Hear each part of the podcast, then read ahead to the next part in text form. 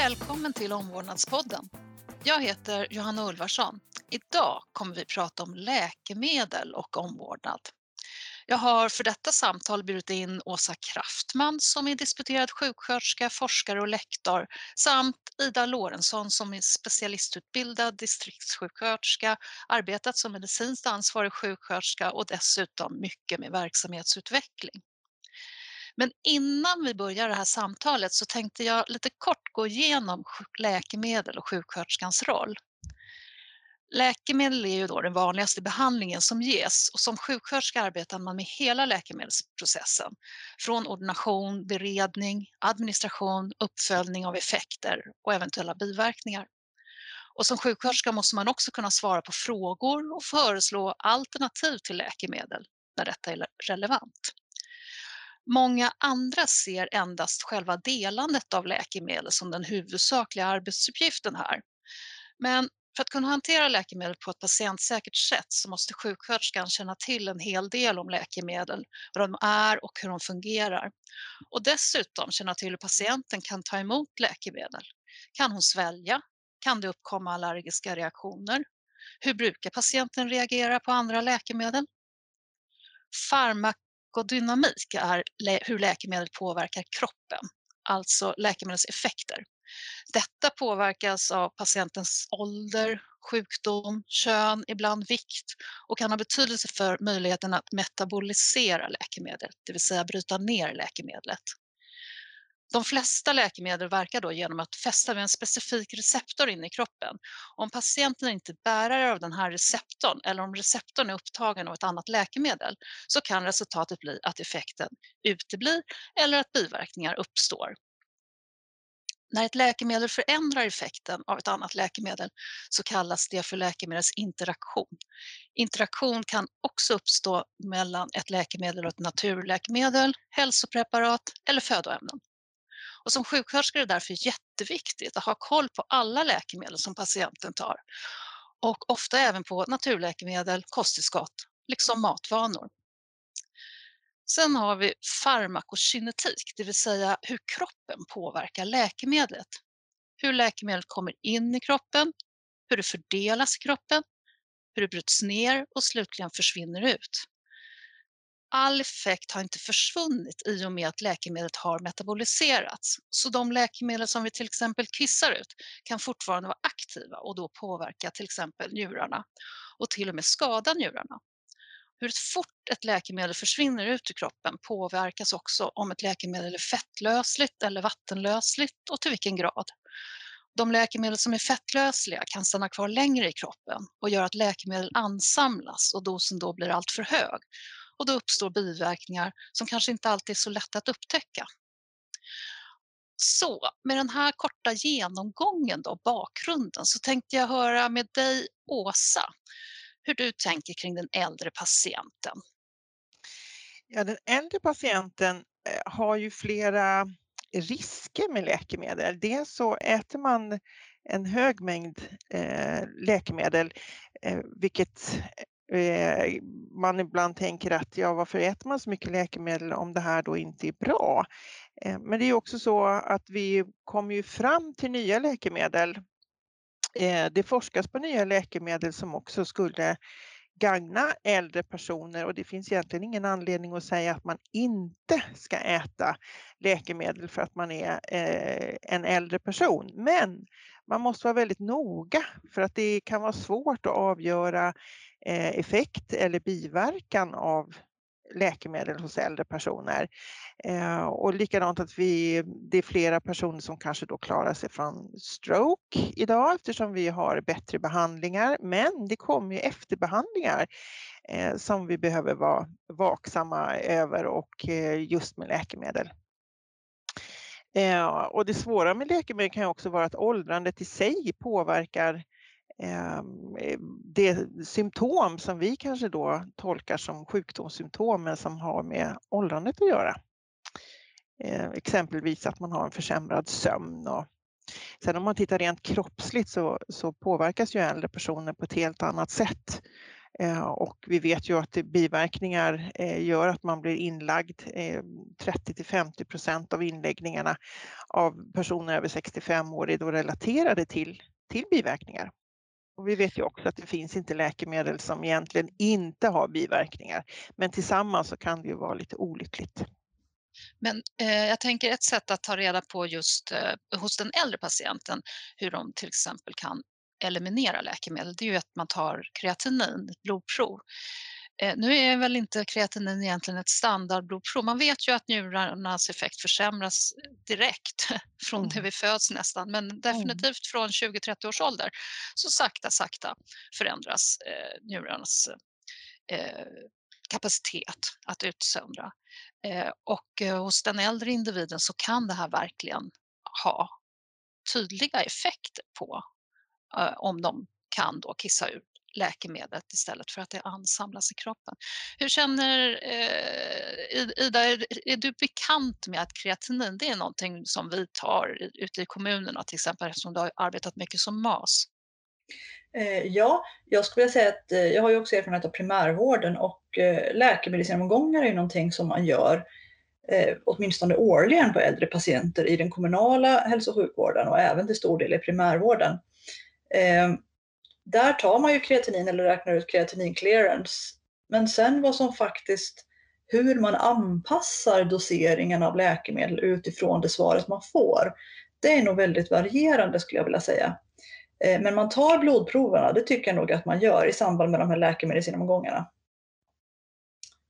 Eh, däremot så tycker jag att, jag tror att vi har lite för lite apotekare ute bland oss i den kommunala sjukvården. Jag önskar att vi hade haft lite mer samverkan och samarbete med just apotekare när det gäller de här läkemedelsgenomgångarna och, och som kunskapsstöd för både sjuksköterskor och läkare just för att den äldre patienten är komplex vad gäller läkemedelsbiverkningar men också läkemedelseffekt och vad man får för problematik med nedsatta organfunktioner.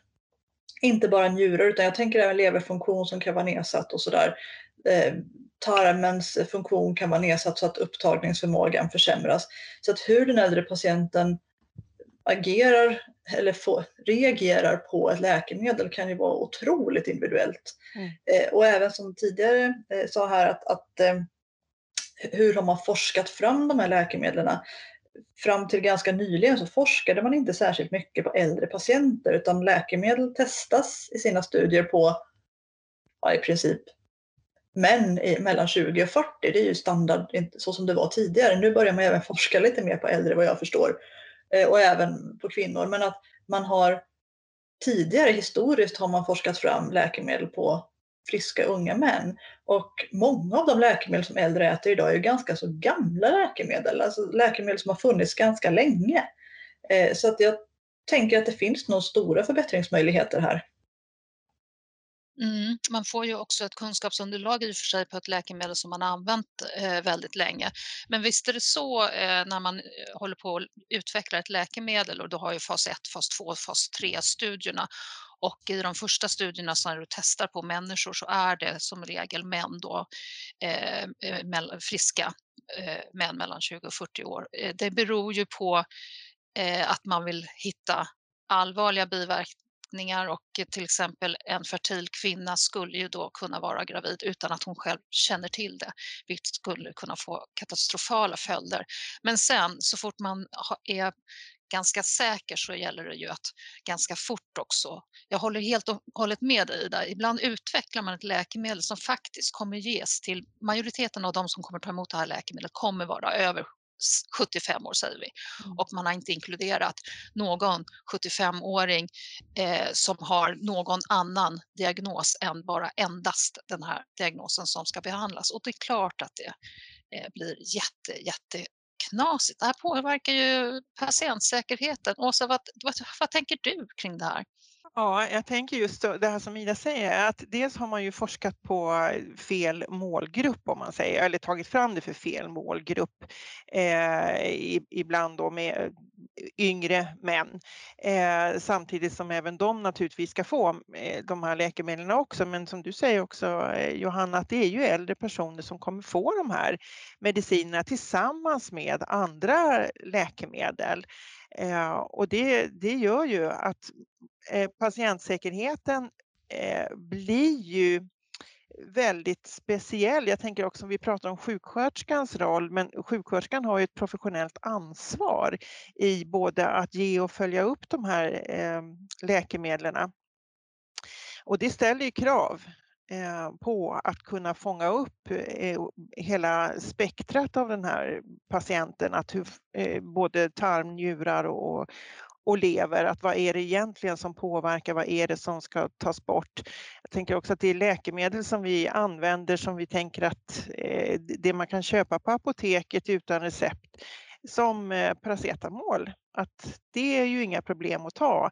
Men har man paracetamol i andra läkemedel och tar paracetamol utöver det så är det ju faktiskt en risk eh, att man blir förgiftad för det har ju en, en eh, är ju levertoxiskt. För det, det, finns ju ett skäl till varför man inte kan köpa paracetamol längre på affären till exempel. Ja, när jag tänker på de här receptfria läkemedlen så är det ju också någonting, till exempel eh, NSAID-preparat som Ipren eh, och enkla, så som också säljs receptfritt idag, ska ju i princip helst inte ges till äldre patienter. Eh, och Eh, där skulle jag vilja säga att vi har en enorm kunskapslucka för att jag tror att det finns mycket föreställningar om att det som är receptfritt är ofarligt och så ser det absolut inte ut. Eh, och den äldre patienten får ju också när de får biverkningar så ibland upplever jag att det blir en sån här kaka på kaka effekt. Man får mm. ett läkemedel som har biverkningar då får man ett annat läkemedel för den biverkningen och då får man en tredje biverkning som man får ett tredje läkemedel för och så bygger man på det här som att Eh, och till slut så sitter patienten med fyra läkemedel mot biverkningar och ett mm. läkemedel.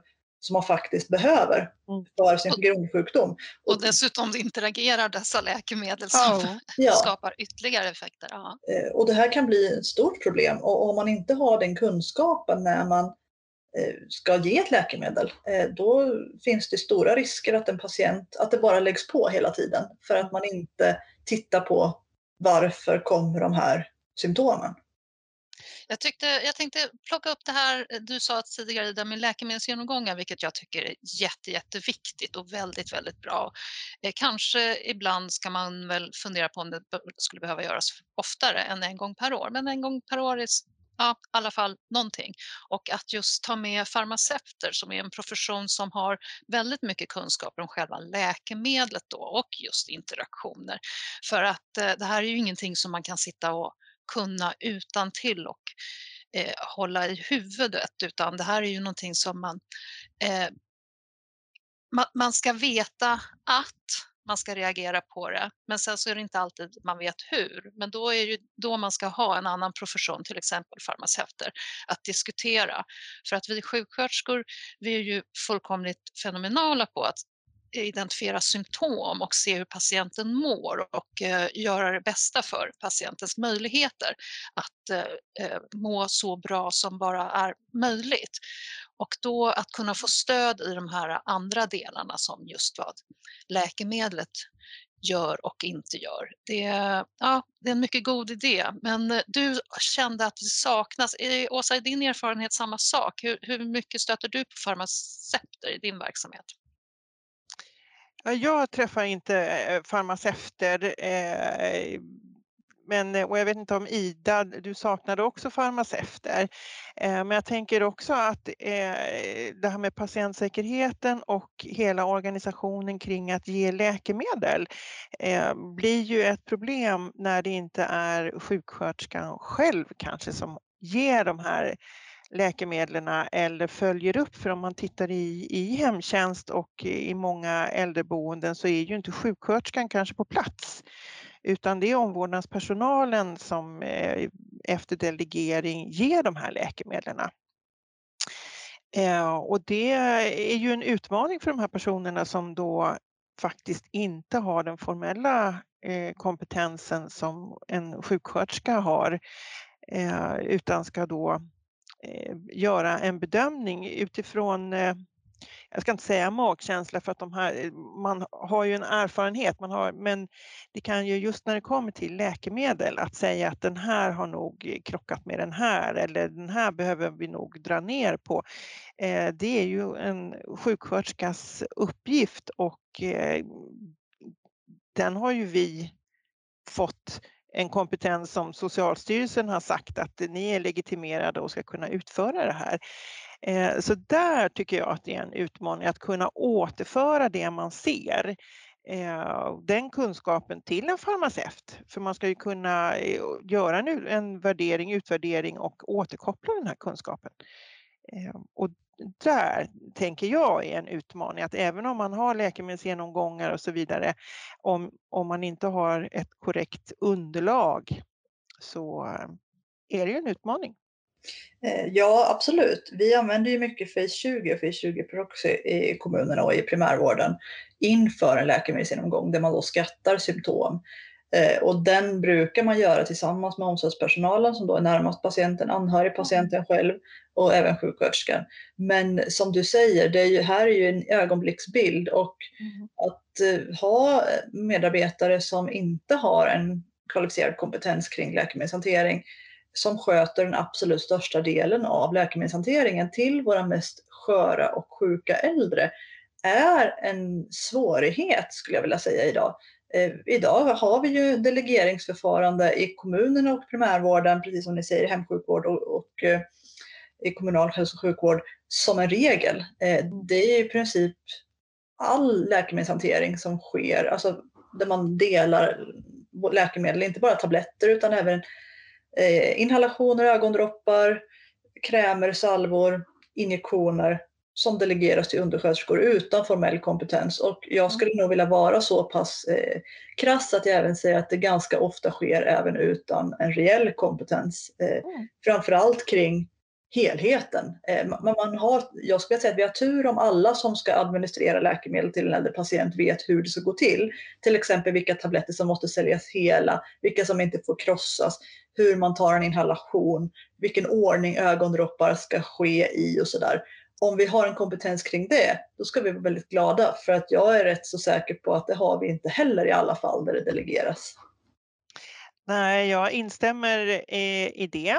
Eh, och jag tänker även eh, höger och vänster på en patient. Vad är höger och vänster? Vi eh, utgår från patientens högra och vänstra, men om jag står framför en, en person och så ja, höger öga och så vidare. Risken är ju att man ger fel öga. Om det bara är ett öga till exempel. Eh, och jag ska ju också kunna se om det är någonting som inte stämmer och det här det, det det är inte schysst att ställa den frågan till någon. Det handlar också om läkemedel i tid. Att eh, har jag eh, Parkinson, jag måste ha mina mediciner i tid.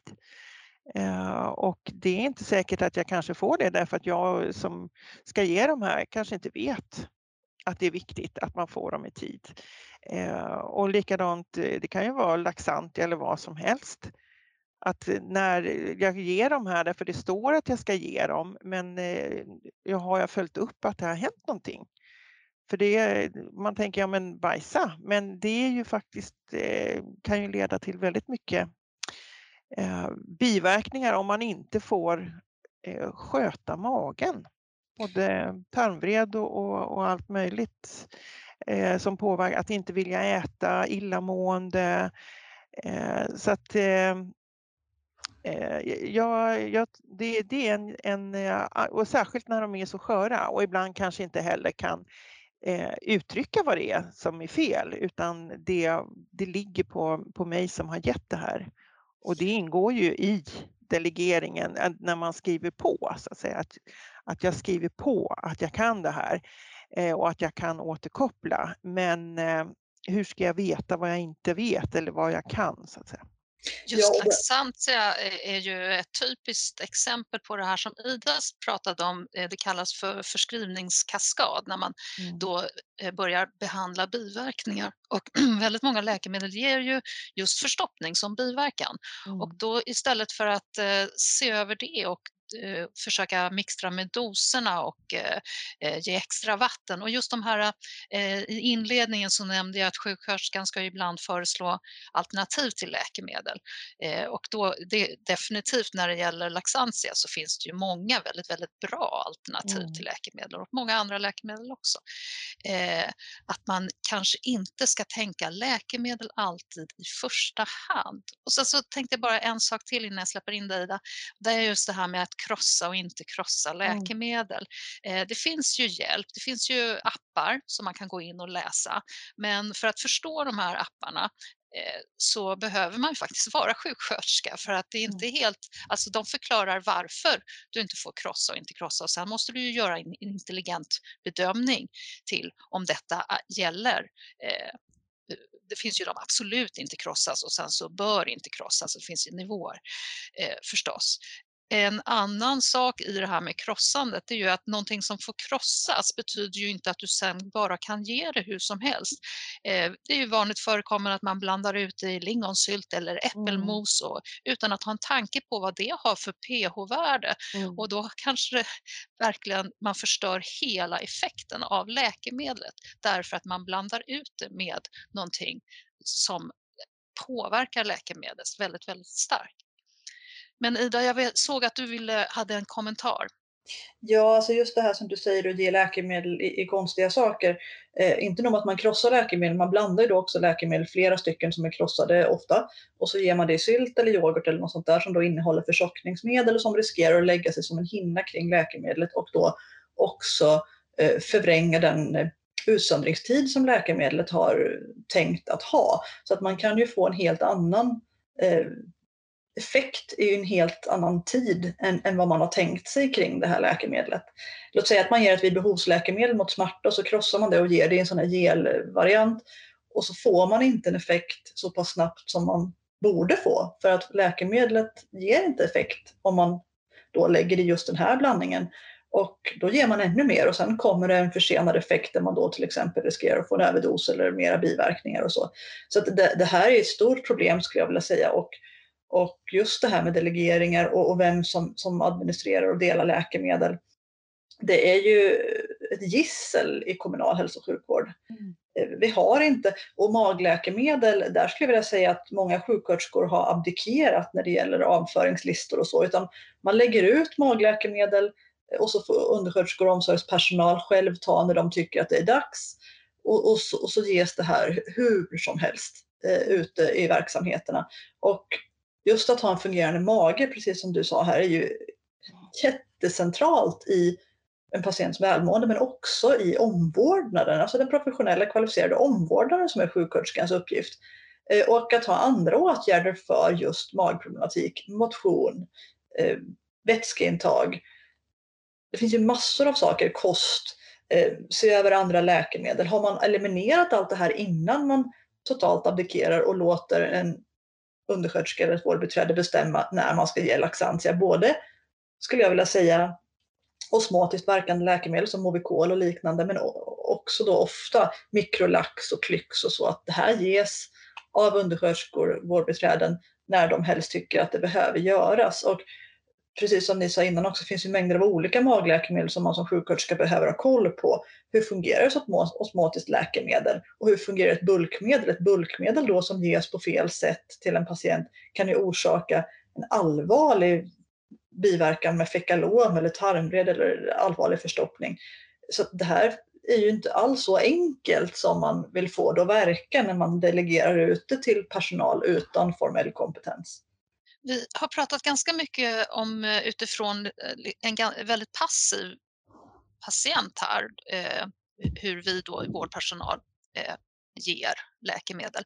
Jag tänkte den autonoma patienten, patienten som vill sköta det här själv, som eh, kanske också kan göra det, men med visst stöd. Eh, och visst stöd är ju någonting som ofta är tidskrävande. Hur, hur, hur tänker du där Ida? Jag tänker att inom äldreboende så är det nog ganska ovanligt att man klarar av att sköta sina läkemedel själv, kanske till viss del. Eh, jag tror att vi tar ifrån patienten den autonoma möjligheten att ta- eh, sina egna läkemedel ganska snabbt. Eh, och det är inte alltid bra. Man kanske skulle kunna låta patienterna eller patienterna klara av vissa läkemedel själv medan andra tas över av sjuksköterskans ansvar. Så att ha ett delat ansvar tror jag ofta skulle kunna fungera. Till exempel vid behovsläkemedel. Men, men eh, jag tror att man ofta tar över det här ganska så snabbt när man flyttar in på ett äldreboende. Däremot i hemsjukvården så tror jag snarare att det kan vara tvärtom. Att där är man eh, lite långsam på att kanske ta över eh, eftersom att här måste någon om inte patienten själv märker att det inte fungerar så måste någon ha kompetens i patientens närhet och säga upp, upp, upp, den här patienten klarar inte längre av att hantera sina läkemedel.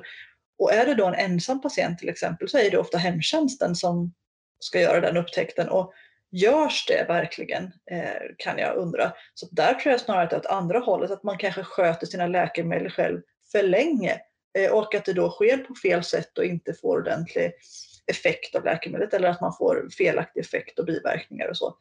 Eh, så jag tror att det är lite två olika, olika ställen att titta på. Åsa, har du någon reflektion här? Ja, jag, jag håller med om det och jag tänker också det här att eh, tidsmässigt, ibland tänker jag att hemtjänsten är lite snabba å andra sidan och ta över utan att kanske kommunicera med distriktssköterskan att eh, eh man eh, tror och upplever att det ingår i, i ens jobb eh, att göra det eh, utan att man har tänkt efter, behöver den här personen eller inte? När jag intervjuade äldre personer som hade hjälp med läkemedel så var det ingen av dem som riktigt visste när det här hände att någon annan skulle ge. Man förstod att det var någonting, eh, ofta i samband med sjukhusvistelse, men eh, man hade ingen bild av det utan man tänkte att det ska de göra, det ingår i deras jobb. Men där är ju också att man måste vara väldigt tydlig med eh, med det också, för det har någonstans vävts in i hemtjänstens arbetsuppgifter att man ger läkemedel och så ger man det vare sig det behövs eller inte. Eh, men i, i den här studien med, med de äldre som jag intervjuade Eh, där hade man ju ett stort förtroende för dem man kände igen, men kom det vikarier då ville man sköta det själv. Eller att man kunde göra en delad, eh, att man själv låste upp medicinskåpet eller tog fram sina läkemedel och så vidare för att Eh, man, man ville fortfarande ha den kontrollen för att det är ju också ett steg in i någons autonomi, att man gör om bostaden till eh, kanske mer en arbetsplats. Eh, en kvinna som reagerar just över att hennes köksbord där hon brukar sitta och lösa korsord plötsligt hade blivit ett läkemedelsskåp eh, och det låg läkemedelslistor och det låg mediciner och så hon kunde inte sitta där längre och lösa sina korsord. Eh, så det är mycket att hitta en väg där som är Eh, som är okej okay. och när man får den här hjälpen så vissa ger ju upp eh, sin autonomi och kontroll över medicinerna och tänka att Nej, men det är bättre att de får sköta det här. Och det, det är ju också en utmaning då. För ju mer hjälp vi ger generellt, ju mer bekräftar vi också patientens tillkortakommande. Att okej, okay, det här är en sak till jag inte eh, klarar av. Ehm, det är bättre att de gör det istället för att liksom hålla kvar.